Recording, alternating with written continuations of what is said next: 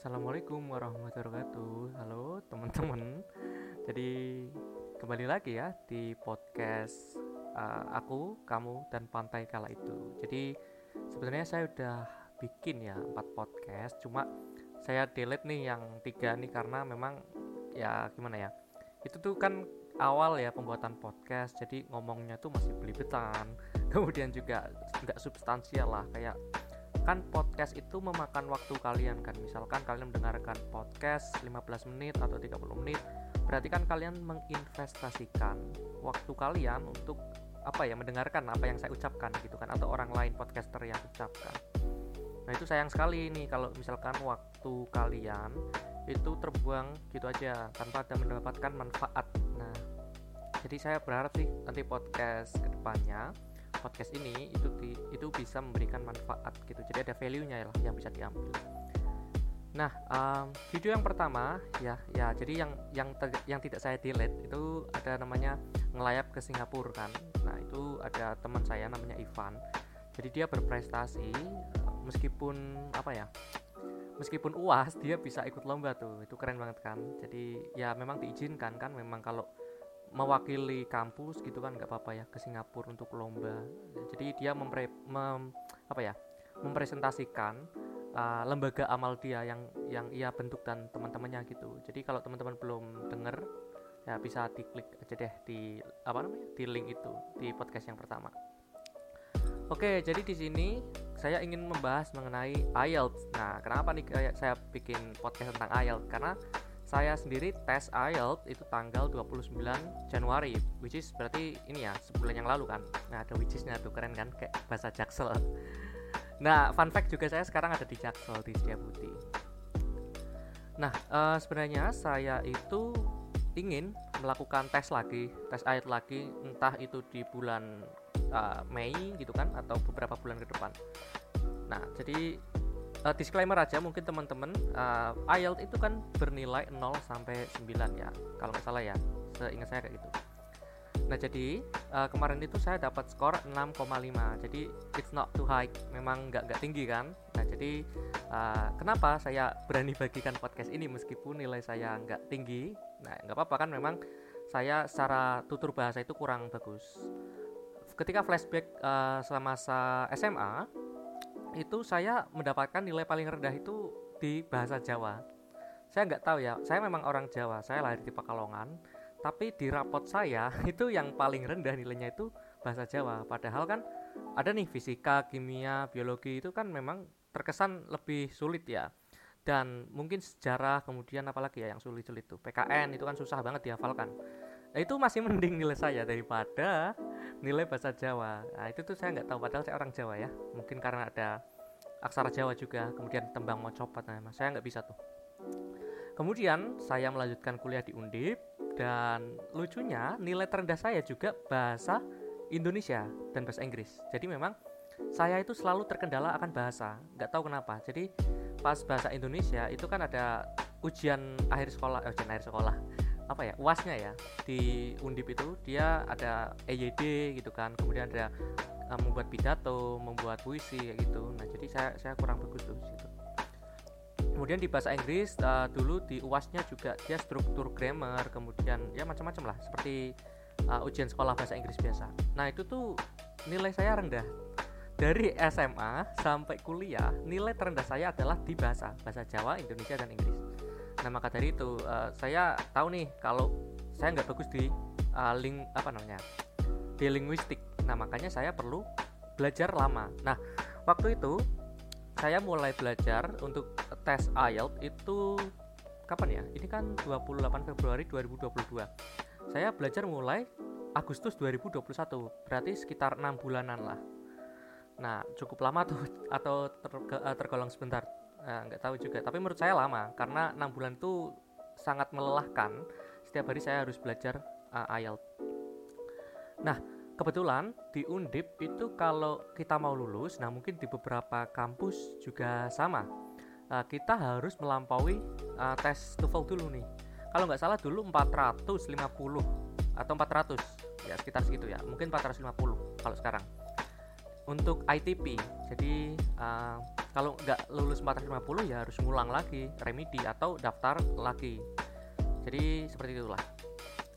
Nah kebetulan saya itu lulus waktu itu uh, tes TOEFL di Undip karena memang cuma 400-an gitu kan ya 400 atau 450 nah namun ketika teman-teman masuk ke dunia kerja atau mau daftar kuliah biasanya kalau dunia kerja 500 atau ya 550 gitu. Jadi memang tinggi sekali untuk masuk ke misalkan perusahaan multinasional atau internasional atau bahkan kita mau kuliah di dalam negeri atau luar negeri. Itu tinggi 500 550 jadi nilai saya sebenarnya masih kecil. Yang penting kan lulus ya waktu itu. Nah setelah itu saya mikir nih tes TOEFL itu yang saya lakukan ketika kuliah itu adalah ITP prediksi. Jadi kita tahu kan kalau misalkan prediksi ITP itu dia cuma reading sama apa namanya listening ya. Nggak ada namanya writing sama si speaking. Nah jadi itu tuh um, gampang. Nah ketika kita mau daftar kuliah daftar kerja gitu kan biasanya kita harus pakai IBT internet based test. Jadi bukan lagi pakai ITP karena ITP sudah mulai ditinggalkan atau sudah nggak nggak diakui lagi oleh dunia. Ya meskipun beberapa kampus dan juga beberapa perusahaan masih menerima itu. Nah jadi saya mikir nih oke okay, saya harus belajar TOEFL IBT namun ketika saya lihat nih uh, di bagian speaking ternyata dia itu ini ya uh, jadi kita ngobrol nggak ngobrol sama orang tapi kita record suara kita. Misalkan kita dikasih pertanyaan apa pendapatmu terhadap perubahan iklim? Nah kita harus ngomong selama beberapa menit. Nah pakai bahasa Inggris nanti di record nah saya merasa itu kurang nyentuh gitu saya kan orangnya suka ngomong makanya saya pilih IELTS. Ketika IELTS speaking kita itu langsung direct one on one dengan ya orang yang menilai. Ya jadi misalkan saya dengan Mr. X jadi ya udah kita ngobrol aja selama 12 sampai 15 menit gitu. Jadi kita ngobrol. Nah itu lebih interaktif menurut saya dan itu secara psikologi itu lebih apa ya lebih nyaman lah untuk mendapatkan nilai yang lebih bagus daripada TOEFL eh daripada ya TOEFL IPT makanya saya pilih IELTS tapi tergantung ya teman-teman mau apa dulu tujuannya? Contoh teman-teman mau kuliah di Turki mau kuliah di Amerika. Itu pakai ya TOEFL gitu loh. Jangan pakai IELTS karena jarang ya jarang ya. Kampus yang ada uh, di Turki atau US itu dia pakai IELTS. Tapi kalau teman-teman mau ke Australia Inggris atau kerja di sana atau perusahaan yang dari sana nah itu biasanya lebih ke IELTS. Nah jadi kalian harus tentukan dulu kan mau ke daerah mana atau mau menuju ke apa nih? Tujuannya kalian itu apa? Makanya kalau kalian pakai udah terlanjur nih kan TOEFL mahal ya? TOEFL IBT 3 juta sama IELTS juga. Nah ketika kalian udah tes IBT nilainya tinggi ternyata nggak diterima nih uh, di Inggris ya itu kan sama aja ya. Itu membuang-buang waktu dan uang. Tapi nggak nggak membuang ilmu juga itu kan ilmu tetap kalian serap. Nah itu disclaimer awal-awal. Oke jadi nilai saya 6,5 jadi itu terkat uh, masuk ke kategori B2 jadi kan kalau misalkan ada A1 A2 B1 B2 C1 C2 nah kalau C1 C2 itu yang tinggi ya levelnya udah 7 nilai IELTS-nya 7,5 8 8,5 9 9 itu perfect. Bahkan yang yang native speaker pun kadang nggak bisa 9 karena ya kan kadang listening uh, atau reading itu kan pemahaman bacaan kan atau pemahaman conversation. Nah contohnya reading nih apa topik utama di atas. Nah tapi kan orang orang native pun kadang kan bingung juga kan.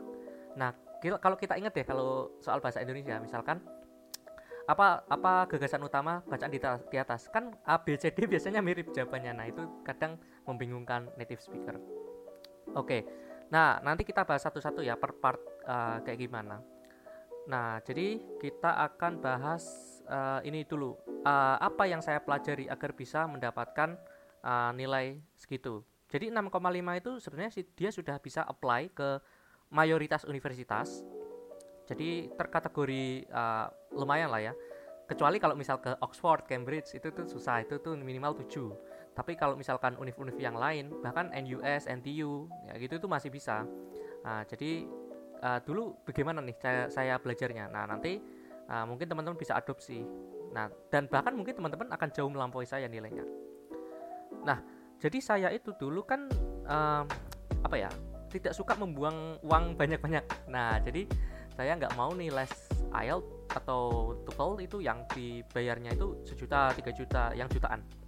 Nah, saya cari-cari nih. Uh, pertama itu kan kalau kita belajar IELTS TOEIC atau TOEFL atau apa pun kita kan harus tahu grammar kan maksudnya gini kita speaking memang di IELTS itu tesnya uh, writing reading speaking sama listening. Tapi kan nggak ada tes grammar grammar kan? Kalau di ITP kan ada structure gitu kan ya. Kemudian ada readingnya. Nah cuma kalau di IELTS atau TOEFL IBT itu nggak ada tes structure. Nah tapi tetap kan kalau kita ngomong harus pakai grammar. Masa aku bilang uh, saya beli makanan kemarin uh, I am buying a food gitu kan. Itu kan I am I am itu kan present ya bukan I was. Nah itu tuh kayak gitu. Jadi uh, kalau teman-teman nggak bisa grammar ya speaking writingnya akan kecil. Nah waktu itu uh, saya itu belajar uh, grammar dulu. Pertama tuh pertama kali start Agustus 2021 saya belajar grammar. Karena itu kunci dari segala kunci ya. Jadi uh, saya belajar waktu itu dari tiga buku kalau salah Cliffs kemudian dari buku bahasa Indonesia. Itu milik teman saya Emir teman saya statistik undip. Jadi itu buku dalam negeri saya lupa pengarangnya siapa. Pokoknya tebel lah bukunya tebel banget. Eh, 300 halaman mungkin atau ya sekitar ratusan lah. Cliff juga sangat tebal. Kemudian yang satu itu pocket book uh, jadi dia kan kalau di Gramedia atau mana itu biasanya ada ini kan ya ka, uh, grammar yang memang kecil ukurannya bisa dimasukkan ke pocket uh, atau saku atau ya kecil banget. Tapi itu sudah intisari nah jadi saya belajar dari tiga buku itu dan saya nonton YouTube Rituali uh, Rituali Daily kalau nggak salah ya nanti teman-teman bisa searching dia bagus banget dia bahas grammar kayak gitu Nah, dia mengacu uh, pembelajarannya, jadi kurikulumnya dia itu dari Deborah. Nah, itu juga buku yang sangat terkenal, pengarang yang terkenal. Coba saya cari dulu ya, ini saya pakai ini HP buat cari. Nah, ini Ritually Daily. Nah, ini saya sangat suka nih pembahasan dia. Jadi, dia memberikan uh, materi itu misalkan videonya cuma 5 menit untuk satu video. Jadi biar nggak berat kan. Kalau kita belajar langsung banyak berat Nah makanya dia bikin 3 menit, 5 menit, 3 menit, 5 menit. Tapi dia bahas struktur, uh, structure, kemudian dia bahas contoh soal, jawaban. Kayak gitu terus. Nanti kita, kita dikasih kuis gitu kan di kolom deskripsi video di YouTube-nya. Wah itu bagus banget. Nah saya belajar dari empat itu. Kemudian saya kan pelupa. Nah saya itu harus mencatat. Saya pakai satu buku, buku tulis biasa yang sidu itu kayak yang kecil buat kuliah atau buat SMA, SMP, SD Uh, saya tulis tangan semua buku itu dari Cliff saya rangkum, Ritual Daily saya rangkum, kemudian dari buku dalam negeri saya rangkum. Karena apa? Karena memang ketika sebulan berikutnya kalau saya harus baca empat buku lagi itu nggak bisa, udah tiring lah, capek. Nah saya harus baca ininya aja kan uh, ringkasannya. Contoh, kalau misalkan uh, kayak cheat sheet gitu loh, misalkan kalau I am, nah you kemudian are gitu kan ya Nah itu yang paling basic. Kemudian ya lanjut-lanjut kayak pre, uh, present, kemudian uh, past tense, perfect, uh, present gitu-gitu macam-macam. Nah jadi saya bikin rangkuman dalam satu buku. Itu paling ya buku kecil itu loh, buku, buku sidu. Jadi setiap bulan saya baca ulang. Ya tiga atau empat minggu saya baca ulang uh, itunya bukunya. Jadi saya hafal grammarnya. Nah Uh, tapi susah juga sih ketika kita speaking grammar jadi acak adut ya jadi kacau nggak apa-apa yang penting kita usaha. Nah itu pertama kali yang saya lakukan adalah belajar grammar. Untuk uh, empat buku itu saya pelajari semua. Nah habis itu saya kan udah bisa grammar. Nah selanjutnya apa nih yang saya harus improve? Ya itu adalah uh, apa namanya? Ini uh, vocabulary. Nah uh, IELTS itu dia harus kaya akan vocabulary. Misalkan contohnya teman-teman mau menulis uh, di di bagian writing section ya. Nah kemudian teman-teman bilang uh, saya suka gedung ini, kemudian titik, kemudian gedung ini uh, terbentuk dengan uh, apa ya kayu yang berasal dari Indonesia. Kemudian titik gedung ini um, bergaya tradisional Jawa. Nah gedung kan muncul tiga kali nih Nah itu kan nggak boleh, makanya kita harus ubah misalkan gedung jadi bangunan. Jadi gedung ini uh, berasal dari Jawa, kemudian uh, bangunan ini kayak gitu dibuat dengan uh, ukiran berbentuk uh, seperti joglo misalkan atau ukiran Jepara. Nah jadi ada namanya apa ya sinonim lah. Nah makanya dari itu saya harus memperbanyak kata-kata. Contoh kita happy, uh, kemudian happy kan kalau kita ulang-ulangi terus ketika speaking, ketika writing kan jadi aneh kan ya sedih gitu kan. Uh, jangan set set set terus gitu. Makanya kita harus cari kata-kata uh, sepadannya itu apa. Nah saya pakai aplikasi namanya Word Up jadi ya W O R D uh, kemudian U sama P. Jadi Word Up jadi kata-kata up up naik ya. Word Up nah itu sangat bagus sekali karena kita itu setiap hari dikasih misalkan 20 vocabulary baru kemudian nanti kita hafalin. Nah habis itu nanti di next day sama the, uh, apa ya hari ketiga dan hari ketujuh dan sebulan kemudian 20 kata itu akan muncul lagi secara otomatis. Jadi kalau kita ngafalin misalkan apa ya meja. Meja itu kan table. Nah kalau kita ngapalin meja table udah sekali nggak di review di bulan depan minggu depan atau kapan-kapan gitu kan itu akan lupa. Sifat manusia itu lupa. Nah jadi saya pakai word up karena dia bisa otomatis nanti sehari tiga hari tujuh hari dan sebulan itu dia akan muncul lagi. Uh, ya sampai triwulan gitu kan dia akan muncul terus. Nah jadi hafal karena kita terbiasa. Nah cuma kelemahannya kan kalau kita ngapalin kata tok itu kan kita bingung penggunaannya. Contohnya apa ya? Uh, apa ya? Bermain play gitu kan. Kalau kita ngapalin play ya kita bingung play ini ditempatkan di mana. Tapi kalau kita ngafalinnya I'm playing basketball oh berarti play itu sebagai verb loh. Play itu setelahnya subjek loh. Nah jadi kan kita tahu. Nah uh, kemudian juga range gitu kan. Range itu misalkan padang yang luas. Nah kalau kita uh, ngafalin cuma runs kita tahu artinya runs itu padang yang luas tapi penggunanya gimana? Apakah dia bisa dijadikan verb ataukah dia hanya bisa jadi objek? Nah gitu. Jadi uh, di word up dia juga bagus karena selain kita dikasih uh, 20 flashcard jadi 20 vocabulary contohnya tadi uh, misalkan runs kemudian dia di bawahnya ada kalimatnya. Jadi kita uh, ngapalin tapi juga kita tahu penempatannya dia itu sebagai objek kah atau sebagai subjek kah atau bisa jadi verb juga atau apa nih? Ya gitu kemudian uh, itu ya yang pertama aplikasi pertama adalah WordUp nah kemudian saya merasa vocabulary udah nih uh, kemudian uh, grammar udah. Terus apa nih? Yang menjadi kendala kita kan selama ini kita pasif ya dalam bahasa Inggris itu. Artinya kita bisa tahu orang itu ngomong apa kita bisa paham bacaan tulisan yang berbahasa Inggris itu artinya apa. Cuma kita nggak bisa menyampaikan baik itu writing atau speaking. Terutama sih speaking. Nah saya download ya, namanya Blinkist. Jadi Blinkist itu kalau nggak salah dia buatan Jerman. Uh, jadi dia itu seperti rangkuman buku. Jadi kalau teman-teman baca buku itu kan lama ya. Nah jadi satu buku bisa ratusan halaman. Dia uh, simplify jadi cuma maksimal 7 atau 10 lah. Ya 5, 7, 10 halaman. Jadi kayak sinopsis dari halaman. Eh sinopsis dari buku. Nah selain saya dapat materi baru mengenai misalkan kan bukunya random ya bisa psikologi kemudian juga bisa mekanik kemudian bisa alam-alam kemudian bisa apa ya macam-macam. Dia tuh random yang penting buku fiksi maupun nyata maupun uh, ilmu pengetahuan ada semua. Nah tapi saya nggak ngincer materi itunya sih saya ngincer speakingnya. Jadi saya baca artikel itu buku itu ya yang udah dirangkum jadi beberapa halaman saja secara keras contohnya misalkan uh, I'm playing basketball in the field. You know that uh, LeBron James is the best basketball in this era gitu-gitu. Nah jadi saya bicaranya itu yang keras. Karena kalau kita bicara dalam hati mungkin kita ngerasa lancar. Tapi kalau kita uh, baca secara keras kadang kita belibet gitu loh. Nah itu tuh uh, apa bagus nih untuk pengucapan. Karena kan kadang kita nggak punya partner untuk ngomong ya. Kita tidak ada di luar negeri. Keluarga kita ngomong Indonesia uh, kemudian teman-teman kita ngomong bahasa Indonesia juga. Nah jadi ya udah cara-cara uh, cara satu-satunya untuk ngomong ya wes kita mm, pakai ini aja baca uh, baca artikel atau buku secara keras. Nanti dia kalau kita merasa gini nih uh, vehicle itu kan kendaraan. Kita merasa kayaknya bukan vehicle deh vehicle deh. Eh atau apa ya? Gitu kan. Nah itu teman-teman bisa masuk ke Cambridge uh, Dictionary atau Oxford Dictionary Nah, jadi teman-teman baca Blinkist tadi, artikel, kemudian kalau teman-teman tidak yakin akan pronunciation pada suatu vocabulary, teman-teman masuk ke Oxford Dictionary atau Cambridge Dictionary. Nah, di situ nanti teman-teman tinggal klik how to uh, pronounce-nya. Jadi ada tombol, nanti gimana sih cara ngomong yang benar mengucapkan kata itu? Uh, mungkin teman-teman mikir kenapa nggak pakai Google Translate? Itu kan dia bisa diklik suara juga kan? Ya cuma di dictionary Oxford itu kan lebih ini ya dia lebih kredibel menurut saya ya dan dia ada pilihan mau American English atau British. Nah kebetulan saya suka British jadi ya bagus banget tuh di situ.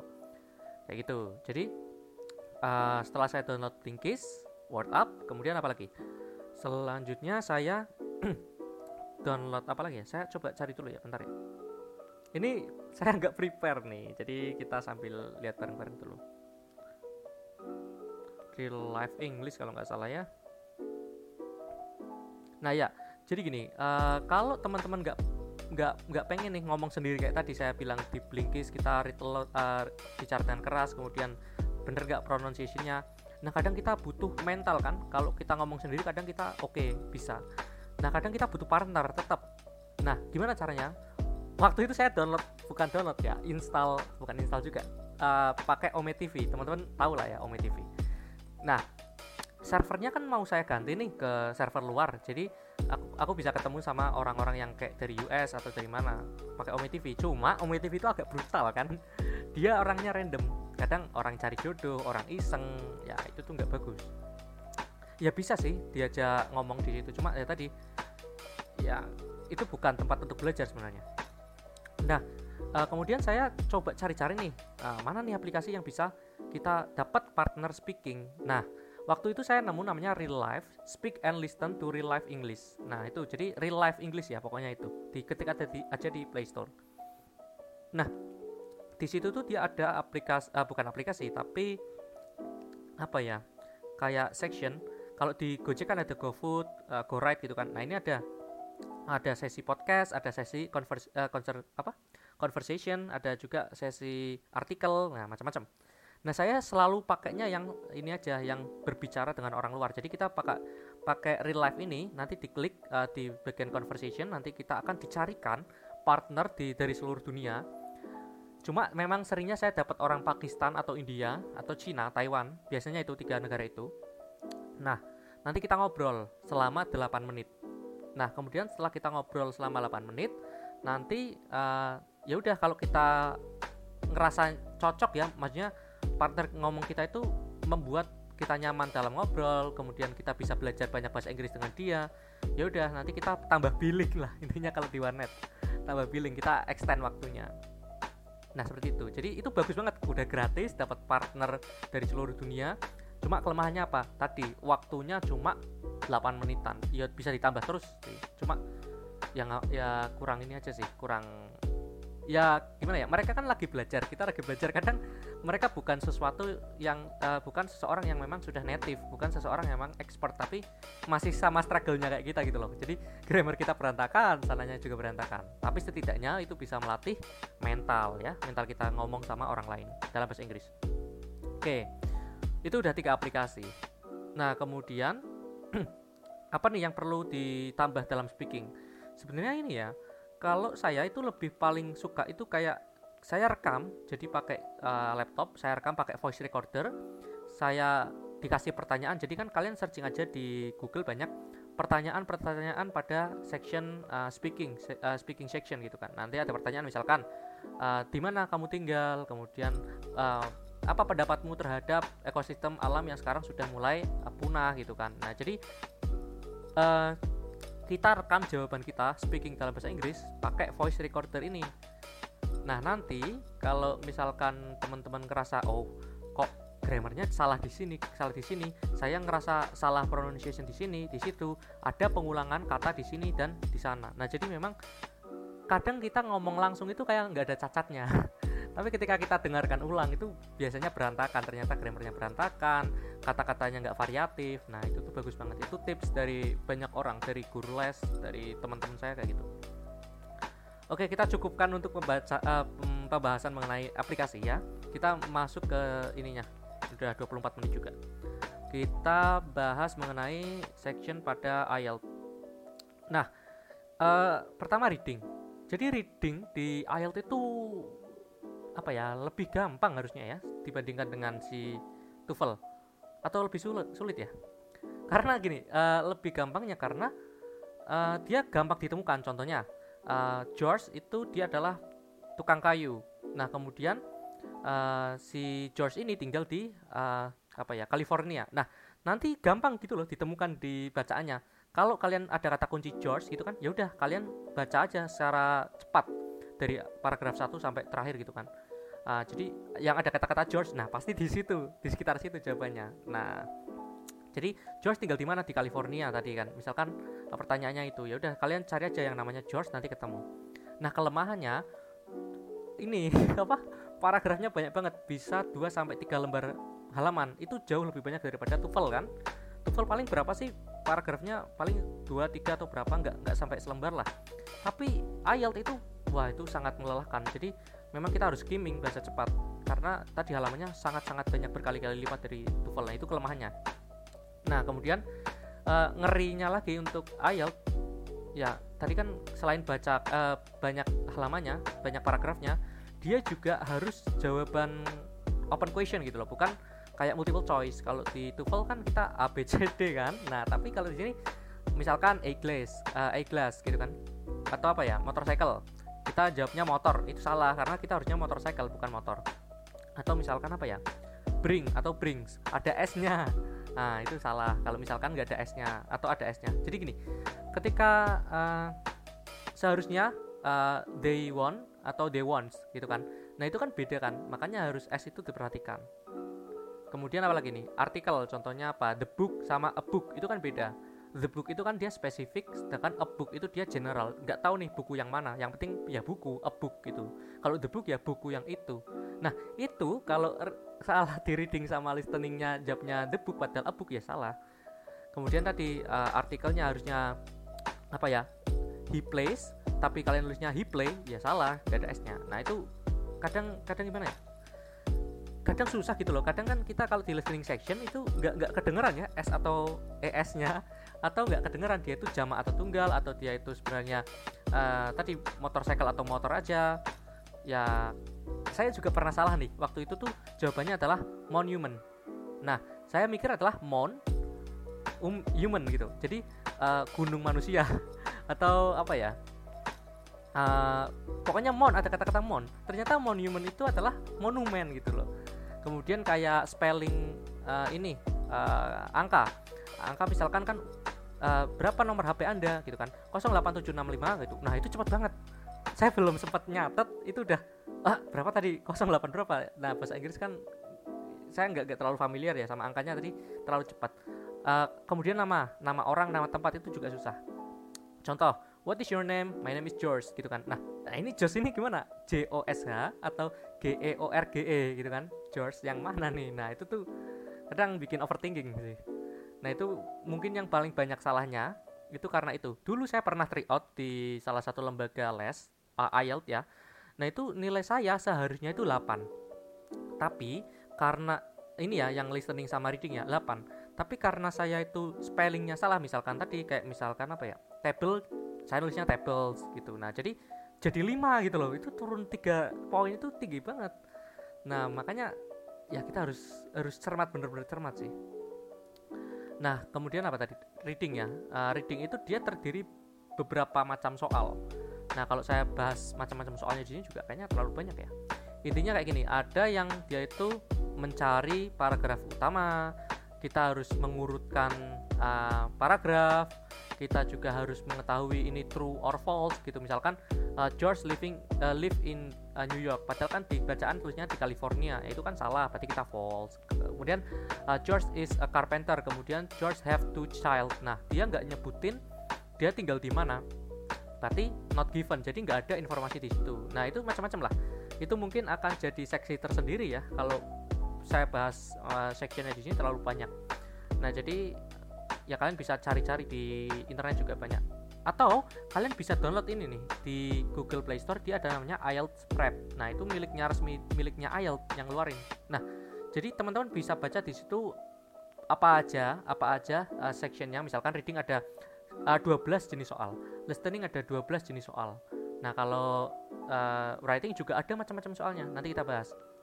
Nah kalian download aja IELTS Prep. Nah nanti kalian bisa lihat nih uh, ini sectionnya pada reading ada 12 tapi yang akan muncul di uh, di ujian kita paling ya tiga jenis soal atau empat jenis soal. Jadi ya kayak apa ya paket-paket dalam UN lah. Uh, random mana yang akan keluar kemudian ini listening. Listening juga sama kayak reading prinsipnya kita itu harus cermat pakai s atau es enggak pakai artikel the atau a atau enggak gitu kan. Uh, kemudian typo nah itu typo juga masalah. Uh, atau ini uh, kapital ya. Nah saya nggak tahu ini masih menjadi misteri sih. Sebenarnya kapital itu ngaruh atau enggak? Karena gini kan kalau dalam bahasa Indonesia itu kan nama tempat nama orang dia kan harus kapital kan awalnya. Tapi kalau misalkan n itu kan atau bat itu kan dia bukan bukan sesuatu yang harus kapital. Dia malah kata sambung. Jadi itu nggak kapital. Nah jadi saya benar-benar overthinking. Kapital nggak kapital kemudian ada artikel atau enggak artikel itu tadi ya the e uh, n gitu kan.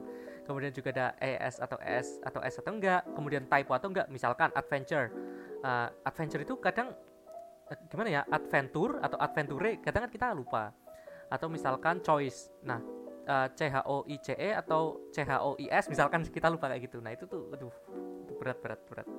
Ya itulah intinya kita harus benar-benar tahu hafal word ya hafal kita hafal katanya tapi kita juga harus tahu hurufnya itu apa aja. Apalagi kata-kata yang terlalu kompleks misalkan hazardous misalkan apa ya aston astonis. Nah itu tuh gimana tuh penulisannya? Uh, kemudian tadi uh, reading kemudian juga listening. Oh ya listening saya kan pakai TOEFL eh sorry IELTS IBT jadi saya pakai headphone. Enak tuh. Nah tapi kalau kalian pakai paper test nah itu kan kalian harus pakai speaker bareng-bareng sama teman-teman kan. Nah itu nggak enak tuh. Kecuali kalau kalian konser ya konser slang itu denger pakai speaker macam-macam bareng-bareng nggak apa-apa. Tapi kan ini tes IELTS ya oh ya jadi IELTS itu ada pakai uh, komputer sama pakai paper. Nah tadi kelemahannya apa? Kalau di paper dia enak kan di reading sama listening kita bisa coret-coret di kertas. Nah kalau misalkan di komputer kalian mau coret-coret di layar gitu kan kan susah. Sebenarnya kita dikasih kertas ya dikasih kertas itu kan untuk uh, ininya kita ya data diri kita. Kita bisa coret-coret di situ kalau misalkan kita pakai komputer. Cuma yang nggak efisien waktunya itu terbatas banget. Serius itu kayak nggak bisa oret-oretan. Nah jadi enaknya tadi kalau misalkan uh, paper ya dia lebih enak ya kalau misalkan kita mau ngoret-ngoret di soal langsung atau di itunya uh, data diri kita gampang. Kelemahannya speakernya berbagi berbagi bersama di tet tet tet gitu kan. Nah jadi ah, nggak enak lah kalau misalkan teman kita berisik garuk-garuk kemudian main meja wah susah tuh. Oke itu perbedaannya. Nah tapi uh, yang nggak enaknya di paper test itu ketika kita writing nah writing itu kan kita ada dua sesi sesi yang pertama itu menjelaskan data yang kedua itu uh, pendapat kita contoh uh, data itu gimana ada histogram kita harus jelasin contohnya uh, penjualan buah-buahan di Amerika itu naik setiap tahunnya. Buah yang paling banyak terjual adalah buah orange. Kemudian buah orange itu diproduksi paling banyak di California. Jadi memang ada datanya, ada diagramnya, ada pie chart, ada bar graph gitu kan. Nah, seks, uh, sesi yang kedua itu kita lebih dapat misalkan uh, sekarang banyak criminal uh, criminal rate sekarang naik nih di Boston.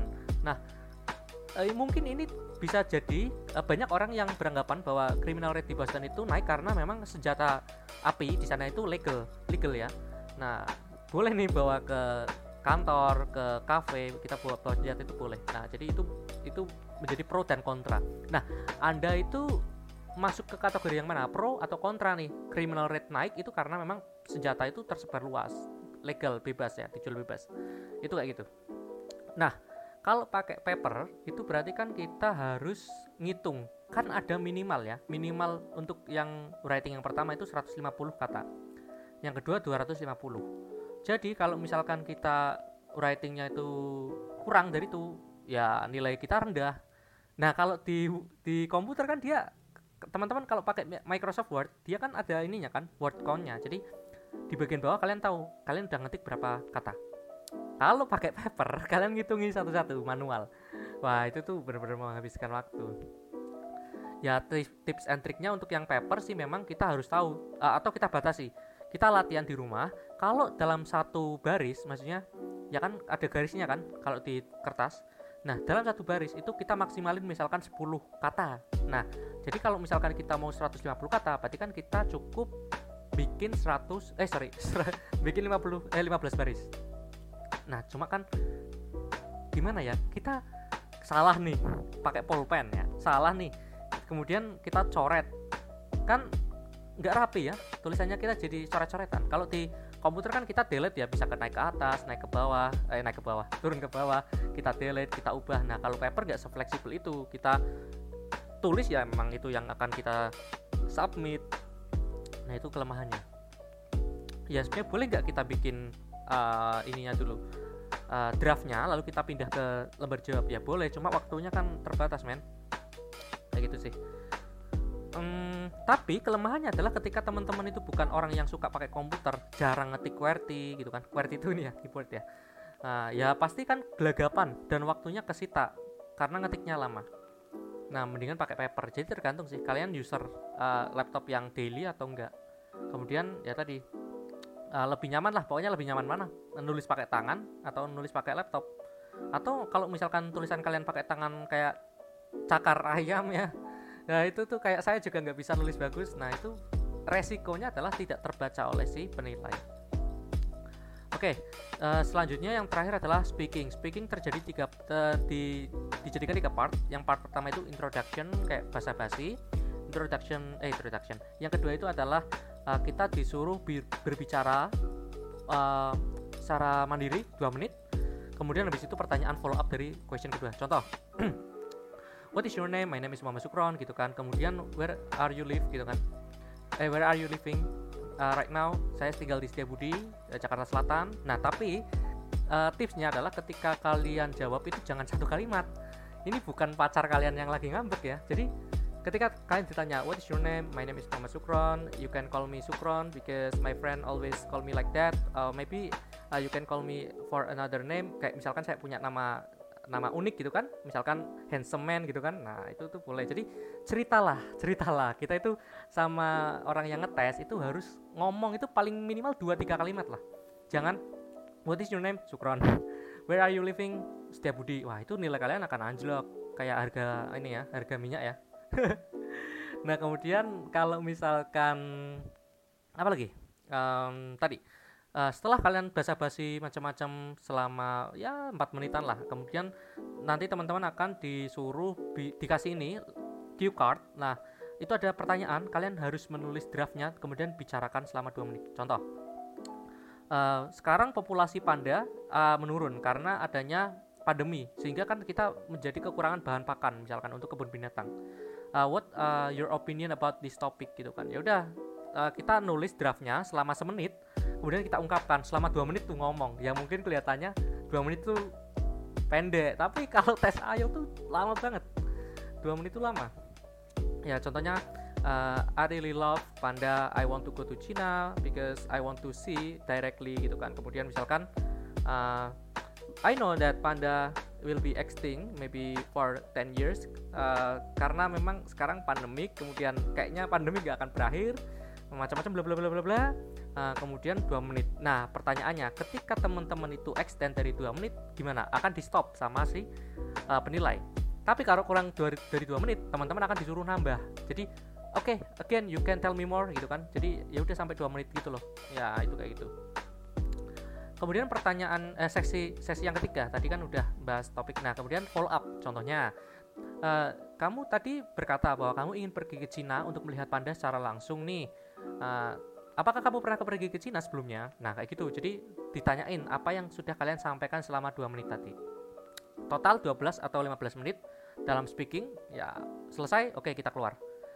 Nah jadi fun fact uh, nilai paling rendah itu biasanya di writing sama speaking. Even itu native uh, native speaker ya atau orang yang udah ahli. Karena memang apa ya uh, nilai 7 itu kayak udah nggak ada salahnya gitu loh. Dia ngomong lancar. Nah jadi memang itu tricky sih nah jadi saya udah belajar selama enam bulan kemudian saya try out dua kali dan nilai saya itu 7 dua kali 7 uh, untuk all score-nya. Nah, tapi ketika saya tes itu 6,5 karena memang saya turun di bagian speaking sama writing. Uh, gini karena kan memang grogi ya. Mental mentalnya memang teruji di situ. Contohnya saya sempat blank ketika saya ditanya mengenai berita hoax. Jadi kan waktu waktu itu tuh topiknya tentang uh, di mana kita harus percaya akan suatu informasi. Saya kan mau ngomong kita bisa percaya informasi itu dari news yang ada di uh, internet but uh, it's credible source. Kayak misalkan Kompas kemudian apa lagi ya? Apalagi sih? Nah itu saya lupa. Jadi saya lupa nama-nama uh, penerbit koran atau penerbit atau penulis yang kredibel. Nah, jadi saya mikir setelah Kompas, uh, wah itu tuh, nah itu jadi kurang nilainya. Kemudian saya juga beberapa kali uh, jawabnya cuma satu kalimat. Contoh, uh, what are your favorite color? Waktu itu kan aku sukanya biru ya. I, I really like uh, blue color. Terus dia bilang kan, why? I don't know why I like blue color because maybe it because uh, maybe it's like a Chelsea uh, logo kayak itu kan yaudah kayak gitu-gitu toh gak ada konversi kon, apa ya perbicaraan yang memang yang lama gitu misalkan kan harusnya saya suka warna biru dari dulu ya saya itu nggak tahu kenapa mungkin karena saya laki-laki jadi uh, terdoktrin bahwa pink itu perempuan biru hitam itu laki-laki. Nah uh, biru itu juga selalu saya uh, pakai sebagai kemeja saya buka cat kamarnya juga biru gitu loh. Jadi explain more. Jadi kayak jangan satu kalimat kayak saya. Mungkin karena gimana ya kan grogi ya dan saya bingung. Pertanyaannya direct apa warna kesukaan? Yang biasanya kan kita ngobrol ya udah warna kesukaan biru gitu toh. Nah itu itu nggak boleh di oke mungkin itu sih 40 menit ya panjang juga jadi masih banyak kalau teman-teman mau mau cerita lebih banyak tentang IELTS atau tips-triknya atau kita bahas seksinya bisa komen aja sih nanti tapi ini bukan YouTube ya ini podcast nggak apa-apa Oke, mungkin sekian dulu ya teman-teman. Semoga bisa ini deh memberikan gambaran dan doakan juga saya ketika di masa depan tes IELTS lagi nah, bisa lebih tinggi dari ini. Karena kita masih belajar dan saya pun harus belajar lagi kan. Memang masih belum setinggi itu. Oke. Dadah. Assalamualaikum warahmatullahi wabarakatuh.